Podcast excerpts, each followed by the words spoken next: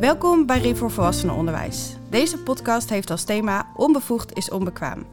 In deze podcast gaan we met verschillende gastsprekers in gesprek over dit thema. Ik ben Lineke van der Zouwen, docent bij Rivo Volwassenenonderwijs Gezondheidszorg.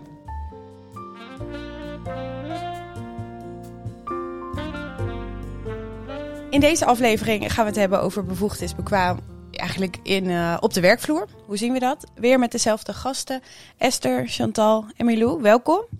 Um, begin ik met bij jou. Um, want jij staat natuurlijk echt uh, volledig op de werkvloer um, als verpleegkundige.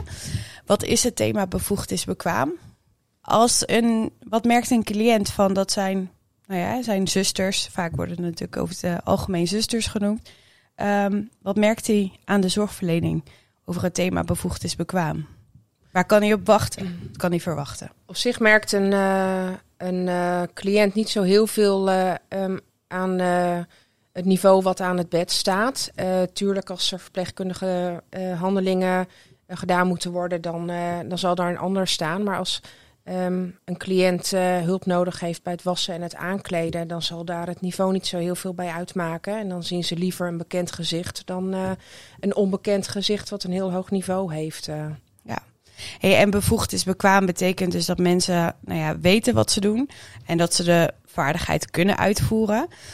dus ongeacht welk niveau moeten ze bevoegd en bekwaam zijn.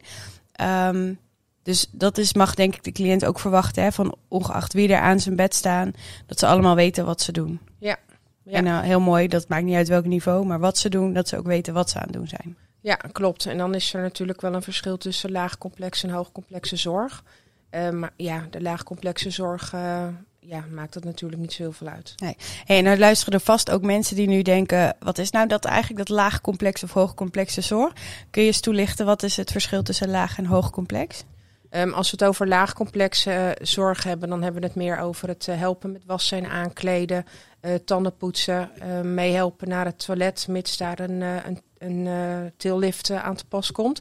En als we het over hoogcomplexe zorg hebben, dan um, hebben we het bijvoorbeeld over katheterzorg of zondevoeding, wondzorg, dat ja. soort dingen. Ja. Dus het grootste verschil ligt in de vaardigheden die uitgevoerd worden. Klopt. Of het dagencomplex. Ja. Oké, okay, dankjewel. Duidelijk verhaal. Wat, uh, even uit mijn hoofd. Je was verzorgende IG en hebt nu verpleegkunde afgerond?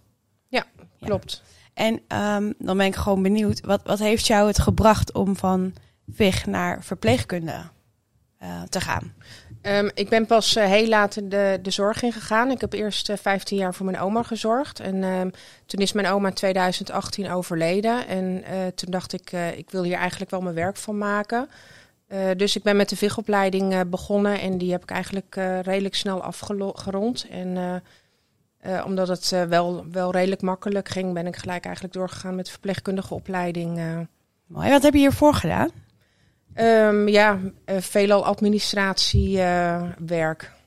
Dus je... een hele andere tak. Ja, en had je dan, heb je nooit eerder gedacht, ik zou die zorg wel in willen? Uh, nee, want mijn moeder die zat in de zorg en uh, nee. Nee, nou dan, en nu kan ik uiteindelijk we... wel heel erg waarderen wat zij heeft gedaan. Sterker nog, ze heeft mijn speldje ook opgespeld uh, met mijn slagen. Kijk, dat is het mooiste moment, hè? Dat speldje ja. krijgen. Ja. ja, super. Leuk, maar wel mooi ook dat je zegt van nou, ik ben vrij laat, uh, want 2018 is vijf jaar geleden zo'n ja. beetje. Uh, dat je toen eigenlijk pas de zorg in bent gegaan. Ja. En wat, wat is voor jou het verschil tussen niveau 3 en niveau 4? Wat zijn dingen die je daar, waar ben je nu meer bevoegd en bekwaam in geworden dat je als niveau 3 niet was? Um, op zich is het uh, qua verpleegtechnische handelingen um, niet zo'n heel groot verschil. Het grootste gedeelte leer je op de VIG-opleiding. Um, ik denk dat je als verpleegkundige uh, ook meer inzetbaar bent om uh, um, uh, ja, qua helikopterview om te zorgen dat het op de afdeling allemaal goed werkt. En de extra taken die erbij komen kijken, dat je daar je ook op in kan zetten. Um, dan ga ik even naar Chantal van Interzorg, voornamelijk thuiszorg. hoe zie jij bevoegd is bekwaam terug uh, ja, op de werkvloer klinkt een beetje gek, want de werkvloer is in de thuiszorg natuurlijk overal anders. um, maar in het werkveld. Mensen zijn bij ons bevoegd op het moment dat ze een, een diploma hebben. eh, en bekwaam is eh, echt eh, de, de kunde hè, om de vaardigheden en de competenties dan verder toe te passen. Um, dan zie je in de praktijk terug, of eigenlijk, wat zien de cliënten terug? Dat is mooier om te zeggen. Eigenlijk willen zij gewoon een hele fijne zuster aan je bed hebben. Dus iemand uh, die goed kan communiceren, uh, iemand die naar ze luistert. Um, iemand uh, die, die ze lekker vertroetelt en goed voor ze zorgt dat is voor de cliënt het allerbelangrijkste. En of ze bepaalde vaardigheden kunnen doen, ja, daar hebben zij ook geen verstand van. Dus zij weten ook niet of iemand een handeling goed uitvoert, ja of nee. nee. Dat is aan ons ja, om dat dan toch te borgen. Ja, hey, en, en nou ja, Emilou zei net mooi hè, over laagcomplexe zorg, hoogcomplexe zorg. Kom je dat in de thuiszorg ook tegen? Ja, in principe heb je verschillende routes in de thuiszorg. Dus je hebt een route met bijvoorbeeld helpende cliënten. Dus dat is echt de laagcomplexe zorg. En de hoogcomplexere uh, cliënten zitten dan toch gewoon in de verzorgende IG-route of de verpleegkundige route. Ja. Ja, en um, als je het dan hebt over bevoegd is bekwaam, we hebben in het vorige thema het ook over gehad, hè, dat helpende tussen de helpende en de verzorgende uh, uh, komen. Um, hoe zie je dat terug nu nu je dat uh, hebt ingeregeld. Wat, wat, bedoel je precies? Ja, je hebt daar aparte routes voor gemaakt. Volgens uh, mij. Ja, ja, dat is dan eigenlijk weer een verzorgende route hè, die dan is ontstaan. Waarin dan toch wat handelingen voorkomen, zoals bijvoorbeeld medicatie aanreiken ja, die een helper dan toch mag uitvoeren. Ja. Ja. En zit er dan ook nog verschil in? Uh, want nou ja, Emilou legt net uit, hè, laagcomplexe zorg is voornamelijk het wassen, aankleden. Maar het kan ook zijn dat laagcomplex is dat iemand heel erg zijn eigen regie nog kan voeren. Um, uh, hou je daar dan ook rekening mee met de inzet van mensen die dus tussen... Uh, of hè, die twee plus zijn, om het maar even zo te zeggen? Ja, eigenlijk uh, de handeling is, is natuurlijk ook maar een klein onderdeel daarvan. Hè. De, um, de cliënt zelf, hoe die is, of de, de, ziektebeelden die die heeft, dat maakt ook wel hoe complex een, een, een situatie is.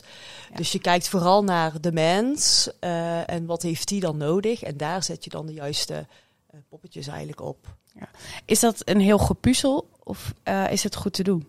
Um, ik denk uh, dat we het ons steeds uh, makkelijker kunnen maken door meer te gaan opleiden richting taken of competenties of handelingen. Ehm, daardoor maak je het veel makkelijker voor jezelf. dan zijn mensen veel vlugger inzetbaar ergens op. Ja. ja. het is sowieso een puzzel bij deze formatie tekorten in de zorg om überhaupt uh, een mooie, mooie route te maken met voldoende ja. uh, personeel. Ja. Dus dat blijft sowieso wel een uitdaging. Ja, ja want dat personeelstekort zorgt er soms ook voor dat je genoodzaakt bent om op te leiden. En nou ja, net hadden we het er al even over dat een cliënt soms ook gewoon wil dat iemand vriendelijk is. liever een bekend gezicht dan een vreemde via een uitzendbureau of nou, iets dergelijks. Uh, Esther, is dat voor jullie ook een reden als Zorgcentra de Betuwe om mensen op te leiden? Juist om zo min mogelijk vreemde gezichten in te hoeven zetten? Nou ja, je kan eigenlijk niet zonder vreemde gezichten. Uh, dat is denk ik ook wel de realiteit. Um, en als een vreemd gezicht een paar keer is geweest, dan is het inmiddels alweer een bekend gezicht. Zo snel. Ik merk ook dat onze cliënten flexibel zijn. Die, die maken best wel veel mee. We hebben natuurlijk ook heel veel stagiaires. Uh, ook in de thuiszorg hebben we veel stagiaires. Ja. En dat, dat uh, zorgt ervoor, cliënten gaan daar flexibeler mee om. Ja. ja. En gaan daar flexibeler mee om, dus het is anders geweest? Nou, ik denk wel dat als je uh, de, de, laatste jaren krijgen ze heel veel gezichten, vreemde gezichten, verschillende gezichten. Ja, absoluut. Ja. ja. En misschien praat ik al wel over de laatste tien jaar hoor. Dat, dat, dat kan. Ik bedoel, de tijd gaat hard, maar toen ik ooit zelf begon, hè, uh, meer dan 25 jaar geleden uh, in de zorg. Ja, dat, toen, toen, was dat nog niet zo. Toen werkten we niet met ZZP'ers en, en hadden we wel flexkrachten, maar die, die waren inmiddels ook al een bekend gezicht. Ja. Dan was dat heel anders. Ja. ja. ja mag ik daarop? Ja, tuurlijk. um, ik, toen ik acht jaar geleden begon als wijkverpleegkundige, uh, kwam ik bij een cliënt thuis en dan werd gewoon de vraag gesteld: hoe laat wilt u zorg ontvangen? Uh, en hadden we twee vaste zorgverleners op die cliënt staan, heel de week lang. Um, maar toen kon dat allemaal nog. Je had nog niet zoveel cliënten, je had voldoende personeel. Ehm, maar de laatste jaren is de zorgvragen zo toegenomen en is personeeltekort ontstaan. Ehm, de klant of ja, de cliënt was toen koning. Of hoe zeg je dat? De klant was koning. Ja. Ja. Ja. ja, cliënten zijn ook klanten, hè? Ja, precies. Ja, en ehm, dat is nu niet meer. En je hebt al nog wel cliënten tussen zitten die nog steeds zeggen: ik heb daar recht op en ik wil dat zo. Ehm, maar ik denk nu dat de cliënten vooral gewoon heel blij zijn dat ze überhaupt iemand krijgen, ongeacht wie het is of op welke tijdstip. Ja. Eh, want iedereen heeft al in de gaten eh, dat ze blij moeten zijn dat ze überhaupt zorg krijgen, omdat het zo schaars is op dit moment. Ja. Ja, en dat is ook wel mooi, want ik herken hem ook heel erg dat ik toen ik begon, eh, lang geleden in de zorg, eh, deden we ook nog eh, gordijntjes open, bedjes opmaken, kopje koffie zetten. En daar hebben we ook eigenlijk gewoon de tijd en de mensen niet meer voor. En mag ook niet meer, hè, sinds natuurlijk de transitie. Eerder mocht het ook niet, maar had je iets ruimer tijd soms. Ehm, want, nou ja, hoe merken, want personeel, ehm, sommigen wer- werken ook al 30, 40 jaar in de zorg. Ehm, is het voor hun soms ook een reden om andere dingen te gaan doen, nu ze niet meer alle tijd hebben om zich misschien weer te scholen? Nou, ik denk ook dat het, eh, de zorg steeds zwaarder wordt. En sommige medewerkers die dan al heel lang in de zorg zijn, ook wat ouder worden, daar ook wel eh, lichamelijke, zelf lichamelijke klachten van krijgen. Dat merk je wel. Even eigenlijk om op jou in te haken, hè, Ja. mensen eh, stappen ook de zorg uit misschien. Ehm, Eh, soms wel, ja. Er zijn echt wel medewerkers die zeggen van ja, dit is niet de, de manier waarop ik zorg wil verlenen. Nou merk ik wel, als je kijkt bij ons, hè, ehm, wij hebben kleinschalig wonen, we hebben thuiszorg, eh, dagvoorzieningen, ehm, nou ja, wat grotere afdelingen. Dus eh, je kan ook nog altijd kijken in de organisatie, wat past dan wel bij mij. Ja. En ik denk dat dat altijd belangrijk is. Je moet altijd iets kiezen waar je je eh, goed bij voelt. En, en waar je met name ook heel veel werkplezier uit haalt. Ja. Want dat heeft uiteindelijk ook weer effect op onze cliënten. Absoluut. Ja. Ja. Kun je werkplezier vergroten door mensen in bepaalde handelingen bijvoorbeeld bevoegd en bekwaam te maken? En Milou, zie jij dat terug als werkbegeleider? Ehm, ja, dat denk ik wel. Eh, het is natuurlijk altijd fijn om het werk uitdagend eh, eh, te houden. En eh, ehm, ja, je kan dag in dag uit eh, hetzelfde doen. eh, maar ja, als je daar een beetje uitbreiding eh, in krijgt, ja, ik denk dat daar alleen maar meer uitdaging in zit. Uit, vinden wij uitdaging belangrijk, Chantal, in ons werk? Ja, zeker. Ja, ja. Wat maakt dat belangrijk? Eh, ik denk vooral, ehm, eh, of ik hoor het vooral terug eh, bij de eh, verpleegkundigen eh, onder ons. Wij hebben vooral te maken met de verzorgende IG-route, waar dan ook een verpleegkundige op staat. En vooral zij geven aan. ehm, wij willen graag wel wat meer eh, complexiteit, hè? wat meer aansluit bij ons niveau. Daarvoor zijn wij ook verpleegkundigen geworden. Dus dat is een stukje uitdaging wat zij graag dan willen. Ja. En uiteindelijk denk ik dat iedereen een bepaalde uitdaging wil. Want dat geeft natuurlijk ook weer een kick hè, om, Ja. om daarin te groeien en te ontwikkelen. Absoluut. Uitdagingen zorgt er inderdaad ook voor dat je eh, misschien of wil groeien of eh, ehm, ik denk in welke sector je ook werkt, dat je altijd een beetje uitdaging wil in je werk. Want eh, we- zijn misschien een beetje, dat is misschien een stelling, zijn we af van het eh, betuttelen in de zorg. Esther? Betuttelen in de zorg. Ja, wat versta je daar precies onder? Hè? Is het eh, de extra aandacht die je kan geven aan een cliënt? Is het dat je, dat je de haren in de, in de krullers zet? Ik vind, vind betuttelen is natuurlijk een, een, een breed begrip. Ehm, ik hoop dat we altijd genoeg aandacht kunnen schenken aan onze cliënten. En of dat nou is door de verzorgende die rondloopt, of het is door die vrijwilliger die in, in de huiskamer staat, of, of de, familie die, die binnenkomt wandelen. Ik denk dat je met elkaar eh, dat doet. En of dat dan onder betuttelen valt. Ik hoop gewoon dat, dat de cliënt eh, zich thuis voelt. Ja. En dat, het, dat we heel goed inhaken op alle eh, wensen en behoeften. Mooi. Want ze kiezen er niet voor om hier oud te worden. Eh, Dat, Nee. dat overkomt je. Ja, en wat ik eh, in de thuiszorg ook eh, eh, heb gezien is... ehm, acht jaar geleden, hè, dan, dan kwam je bij de cliënt en haalde je de post uit de brievenbus... en dan deed je de gordijnen open en dan maakte je een ontbijtje. En ehm, de, de, de medewerkers die daar kwamen waren ook zo opgeleid... Ehm, En die geven ook aan van ja, maar dat is voor ons toch geen moeite. Dat kunnen wij toch ook wel even doen. Ehm, en die cliënt vindt dat wel fijn. Maar wat gebeurt er? De cliënt gaat zitten achterover, die doet verder niks meer. Uh, en als het dan ook een stukje zelfredzaamheid stimuleren, dat is een beetje de omschakeling die je de laatste jaren ook hebt uh, gemaakt.